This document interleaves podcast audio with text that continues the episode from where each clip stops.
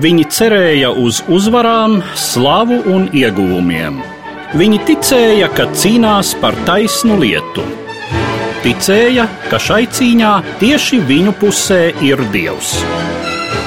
Viņi iemantoja izpostītus novadus un sakropļotas miesas, sāpes, vilšanos, nāvi. Viņi, Eiropieši pirms simts gadiem. Lielais vēstures pagrieziens, Pirmais pasaules karš. Sarunās ar Eduāru Liniņu raidījumu ciklā Pirms simts gadiem Eiropā.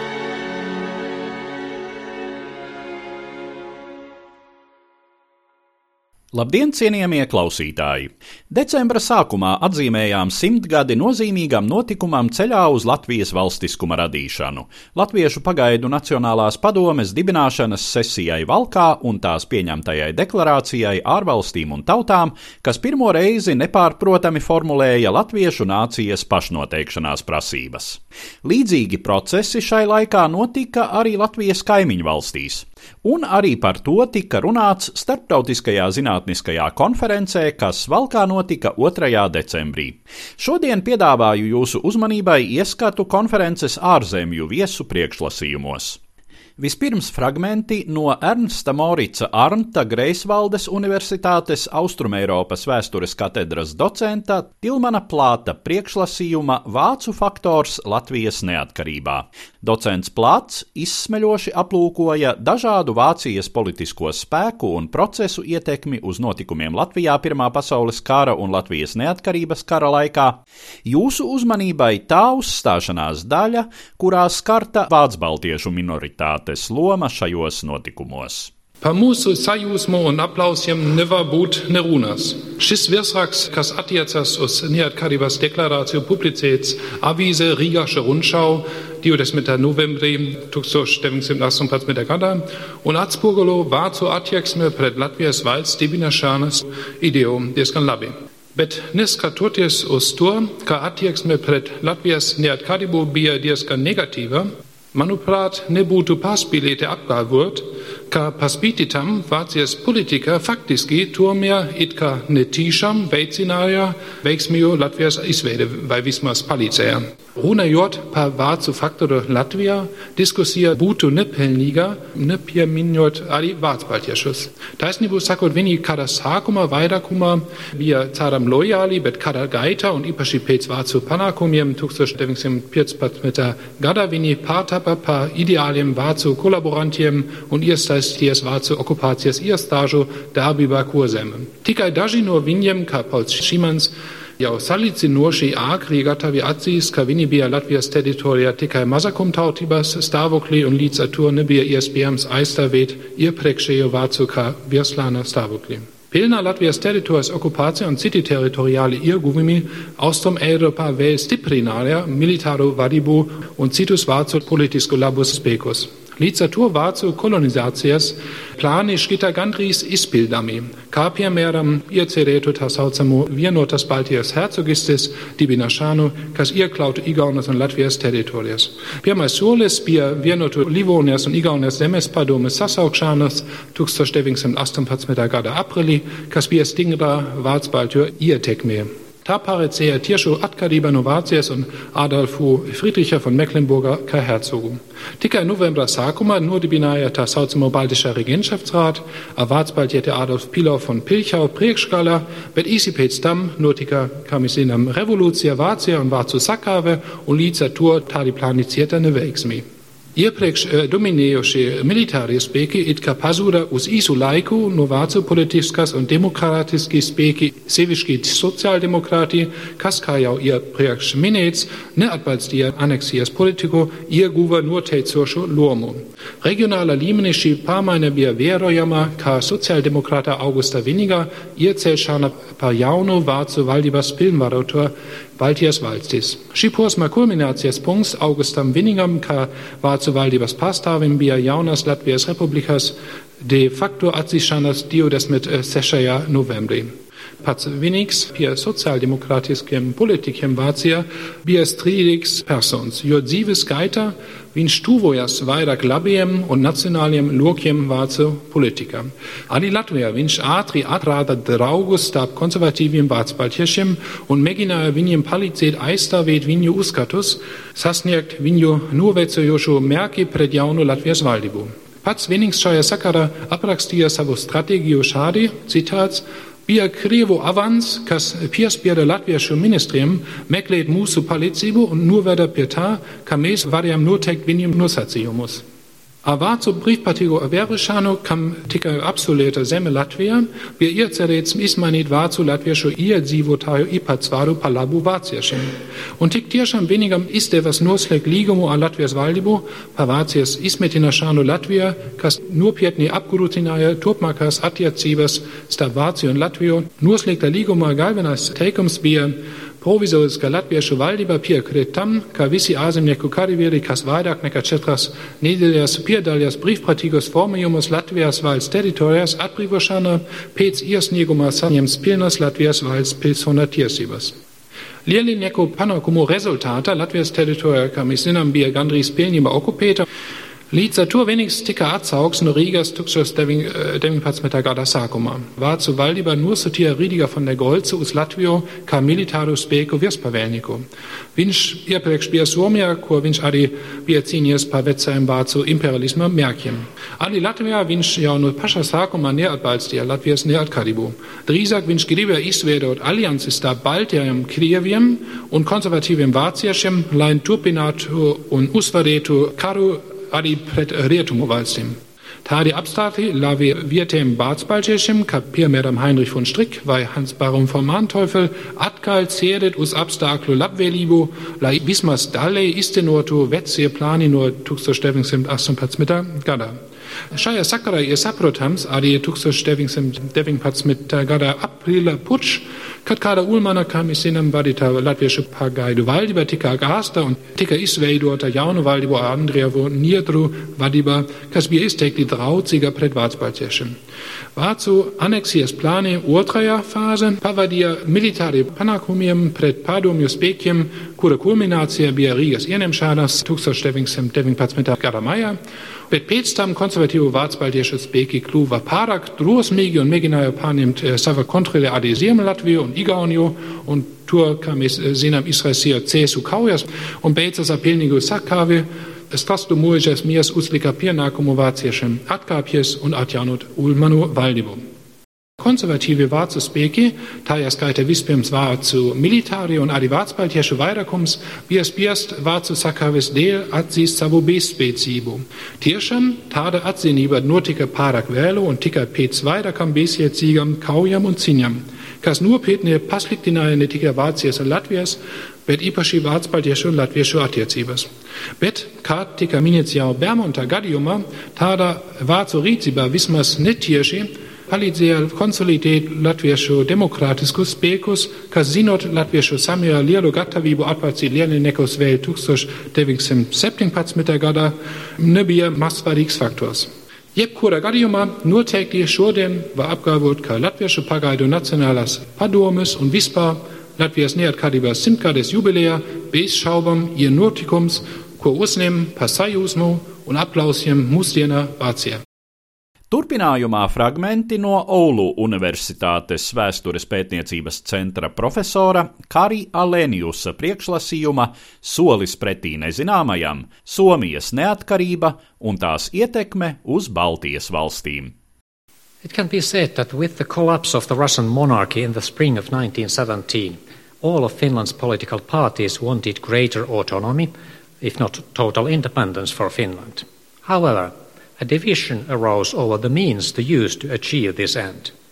The majority of non leftist parties wanted to negotiate any new autonomy or independence with Russia's new rulers. The desire for a negotiated settlement also rested on the understanding that the Russian provisional government was the legal successor to the monarchy. Var teikt, ka pēc Krievijas monarhijas sabrukuma 1917. gada pavasarī visas Somijas politiskās partijas vēlējās, ja ne pilnīgu valsts neatkarību, tad lielāku autonomiju, taču par līdzekļiem šī mērķa sasniegšanai bija atšķirīgi viedokļi. Vairums nesociālistisko partiju vēlējās sarunu ceļā panākt no Krievijas jaunās varas lielāku autonomiju vai neatkarību. Vēlme panākt risinājumu sarunās balstījās izpratnē, ka Krievijas pagaidu valdība ir likumīga monarhijas mantiniece. Tomēr sociāldemokrāti un daļa nacionālo aktīvistu iebilda, ka monarhijas likvidācija ir pārtraukusi vēsturisko saikni starp Somiju un Krieviju. Bolševiku apvērsums izmainīja attieksmi pret nacionālo neatkarību un mērķiem tās sasniegšanai.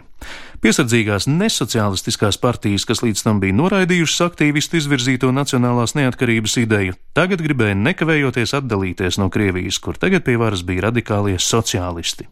Savukārt sociāldemokrāti tagad bija gatavi gaidīt un vest sarunas ar jauno Krievijas valdību. 1917. gada jūlija nogalē Krievijas pagaidu valdība bija atlaidusi Somijas parlamentu. Jauna parlamenta vēlēšanas notika oktobrī. Dramatisku spēku samēra izmaiņu nebija, taču nozīmīgais vēlēšana rezultāts bija sociālistu absolūtā vairākuma zaudējums parlamentā.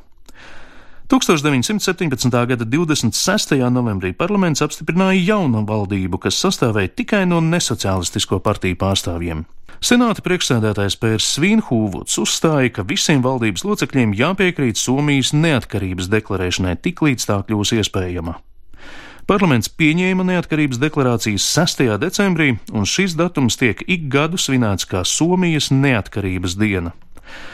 Tomēr pati deklarācija nebija pietiekams pamats neatkarībai. Patiesā suverenitāte bija atkarīga no ārvalstu atzīšanas un Krievijas karaspēka izvešanas no Somijas.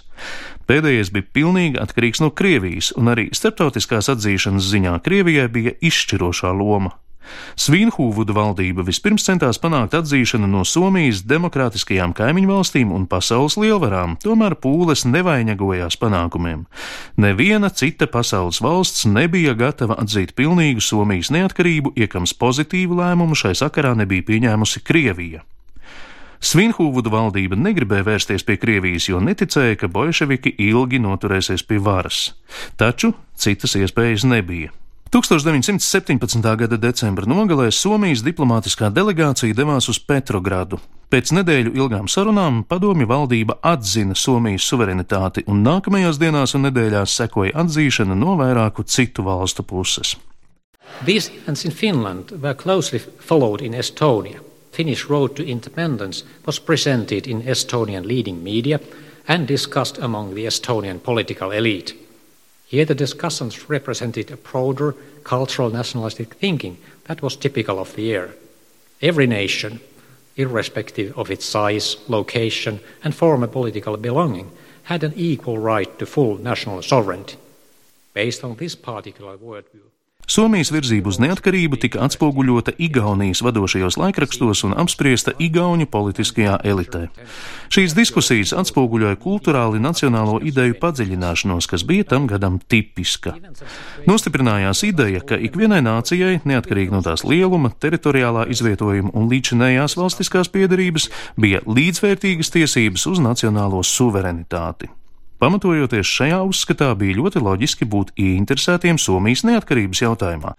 Notikuma attīstība Somijā tika atklāti sastatīta ar situāciju Igaunijā. Pirmkārt, diskusija bija par to, ka arī Igauniem ir tās pašas fundamentālās tiesības, kas Somiem - atdalīties no Krievijas impērijas un nodibināt savu nacionālu valsti. Otrakārt, Somijas lēmums deklarēt savu neatkarību tika uzlūkots kā iedrošinošs signāls Igaunijai izdarīt to pašu izvēli. Šāds iedrošinājums bija nepieciešams. Somija bija pirmā nācija, kas Pirmā pasaules kara beigās atdalījās no kādas agrāk varenas impērijas. No Igauniju viedokļa sevišķi iedrošinoši bija tas, ka Somi arī bija neliela nācija.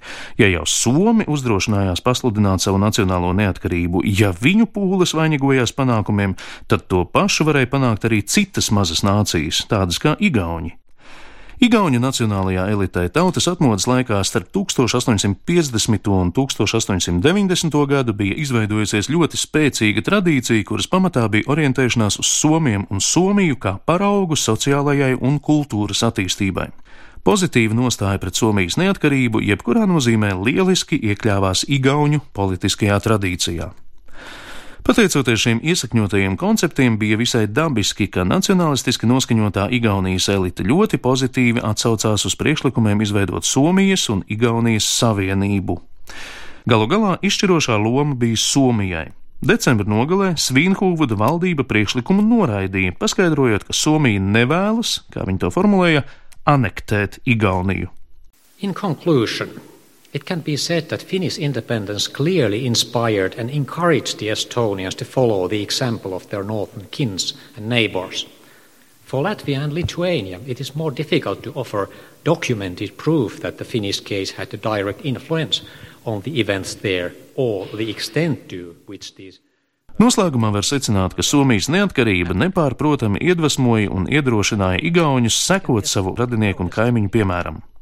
Latvijas un Lietuvas gadījumā ir daudz grūtāk uzrādīt dokumentālus pierādījumus tiešais Somijas piemēra ietekmē uz notikumu norisi vai to, cik lielā mērā latvieši un lietuvieši uzskatīja attīstību Somijā par paraugu. Tomēr mēs varam spriest, ka iespējas bija vismaz uz notikumu attīstību līdzīgā virzienā. Somija parādīja, ka ir principiāli iespējama mazas valsts atdalīšanās no Krievijas, saņemot savas neatkarības atzīšanu kā no bijušās kopvalsts, tā no ārvalstīm. Latvijā un Lietuvā noteikti sekoja notikuma attīstībai Somijā, tāpēc ir ļoti ticams, ka Somijas piemērs līdz ar visiem citiem faktoriem iedvesmoja arī latviešus un lietuviešus tiekties pēc viņu pilnīgas nacionālās neatkarības.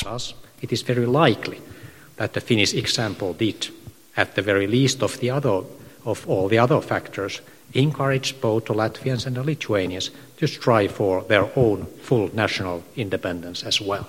Kauņas Vītauta Dižā Universitātes Letonikas centra vadītājs profesors Alvīts Butkus savā priekšlasījumā Lietuvas topošās valsts vīzijas 20. gadsimta sākumā aplūkoja Lietuvas valsts tapšanas procesu caur dažādu iespējamo šī valstiskuma attīstības modeļu prizmu.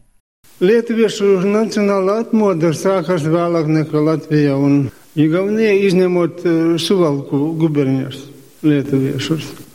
Lietuviešu atzimšanu modināja tieši prūsiešu lietuvieši. Tajā lietuviešu areālā tika izdotas pirmās avīzes lietuviešu valodā 1883. gadā pirmā avīzē. Tagad par tiem valsts variantiem. Pirmais - Lietuvas autonomija Krievijā.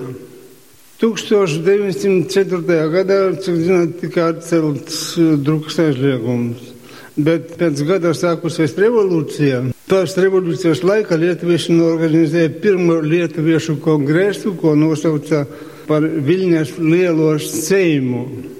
Un tajā kongresā bija izvirzīta ideja prasīt no Krievijas Lietuvai autonomiju, savienojot visas lietuviski runājošas zemes. Protams, pēc, pēc gada sākās reakcija ar soda ekspedīcijām, un visi tie centieni tika apspiesti. Autonomijas jautājums tika atjaunots Pirmā pasaules kara priekšvakarā. 14. gada jūlijā trīs lietuvieši, Basanavičs, Malinovs un Šilingis, uzrakstīja tā saucamo dzintara deklarāciju. Un 4. augustā jau kara laikā iesniedza Krievijas domē. Deklarācija tika atkārtota tā ideja izveidot autonomiju Krievijas sastāvā, Lietuviešu autonomiju. Gan drīz tajā pašā laikā attiecīgs piedāvājums nostanējis Prūsijas Landtagā, kur parlamentārietis Viļas Gaigalaitis, lietuvietis, paudis domu, ka lielo Lietuvu jāpievieno Prūsijai. Vai uz vienu pusi, vai uz citu pusi, bet doma bija apvienot visas lietuviešu zemes. Otrais variants - Lietuva Nacionāla Demokrātiskā republika. 17.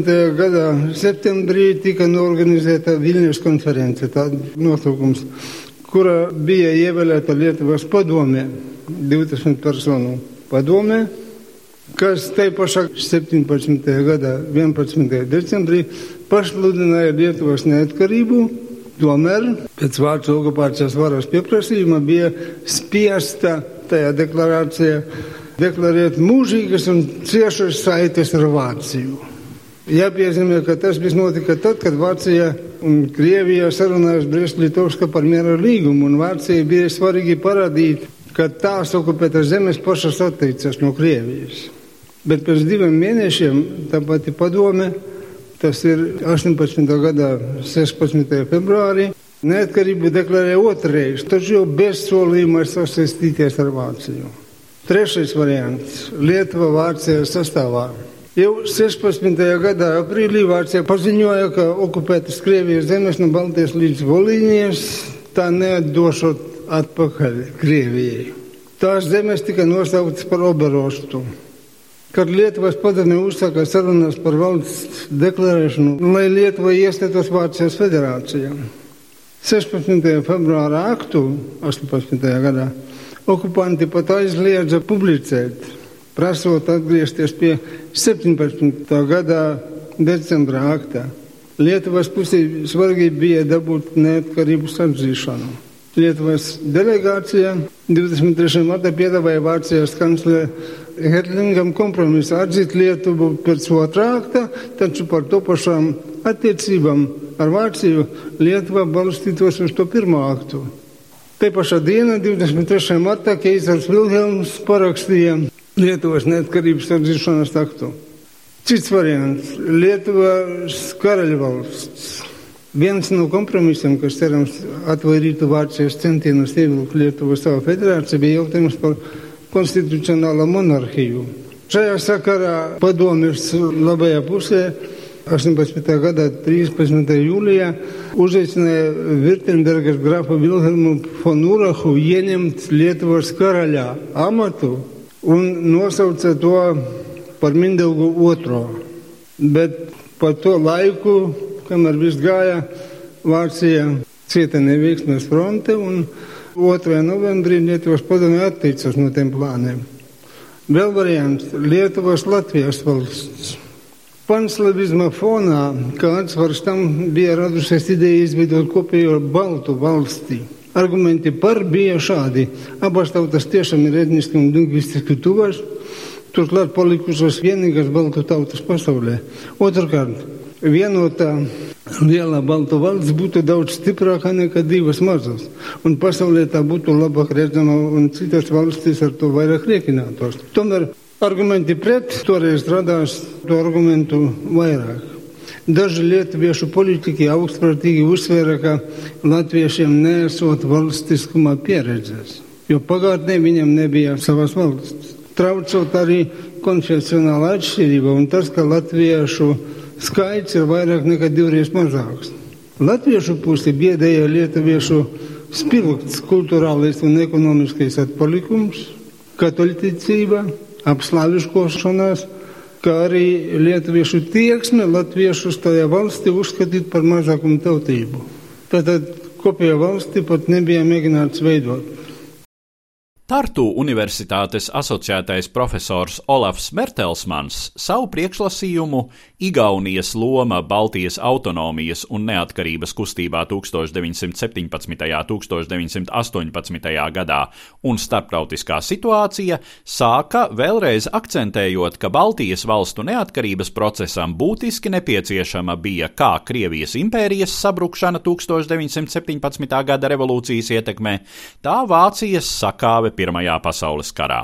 Turpinājumā profesors Mertelsmans pievērsās Igaunijas specifiskajai situācijai.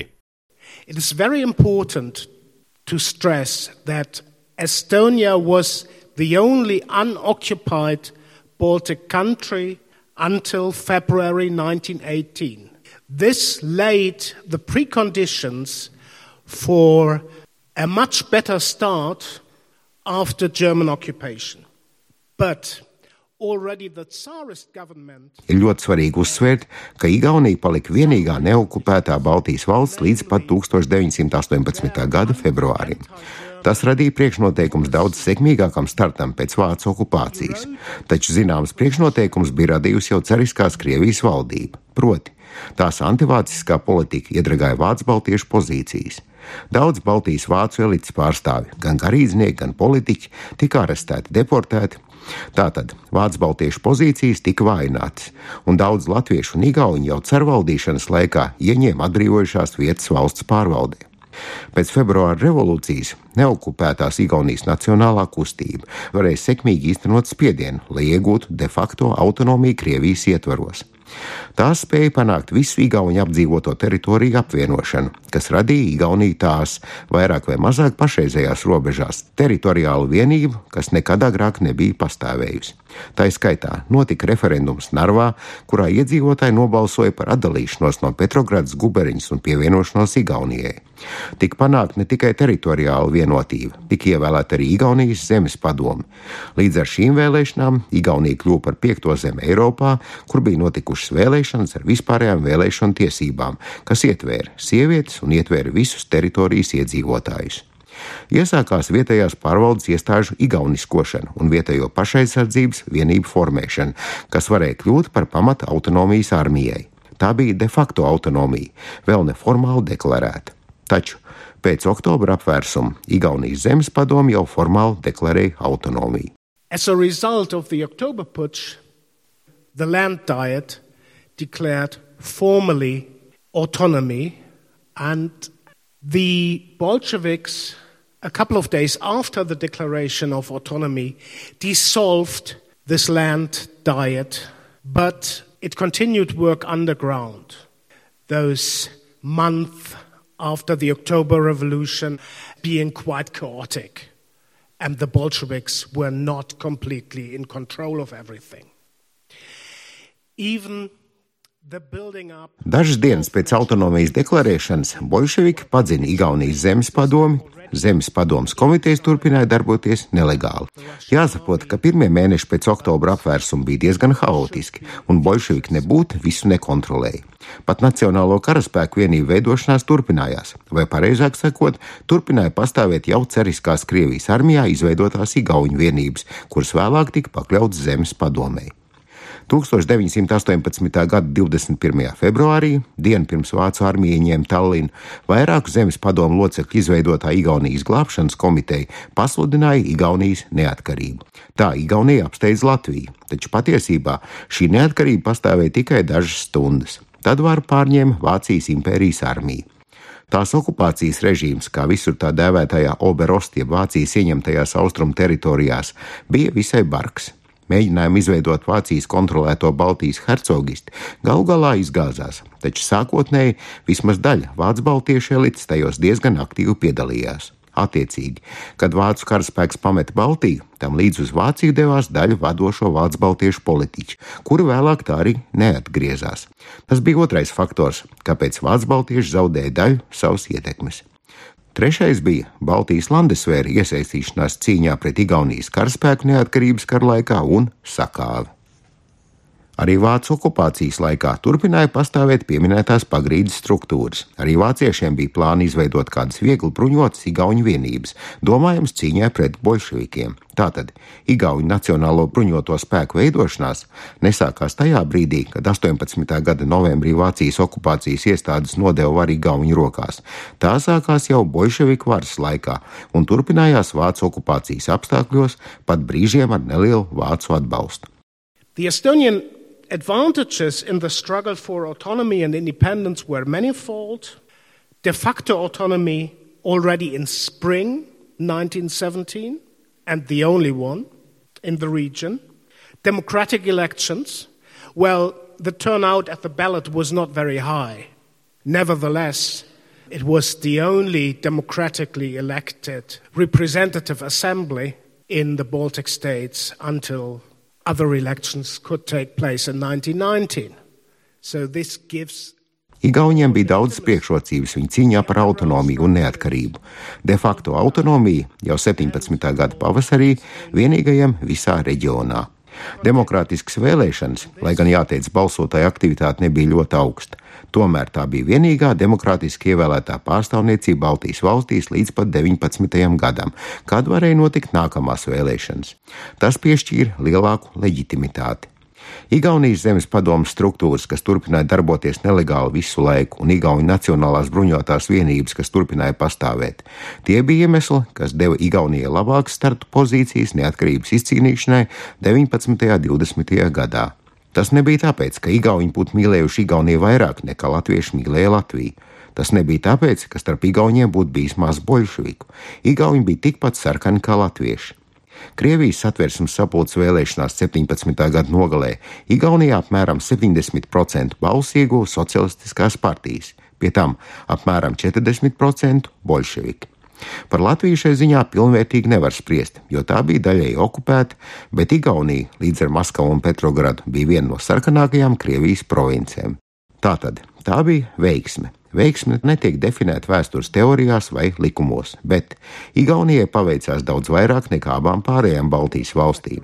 Tā pabeidza savu neatkarības karu kā pirmā, iegūstot labākos miera noteikumus, lielākās reparācijas un lausties no tirdzniecības sakriem ar Padomju Savienību 20. gados. Tā izskaitā nelegālās tirdzniecības, kur ietilpa zelta kontrabanda, narkotikas un viss, ko vēlaties.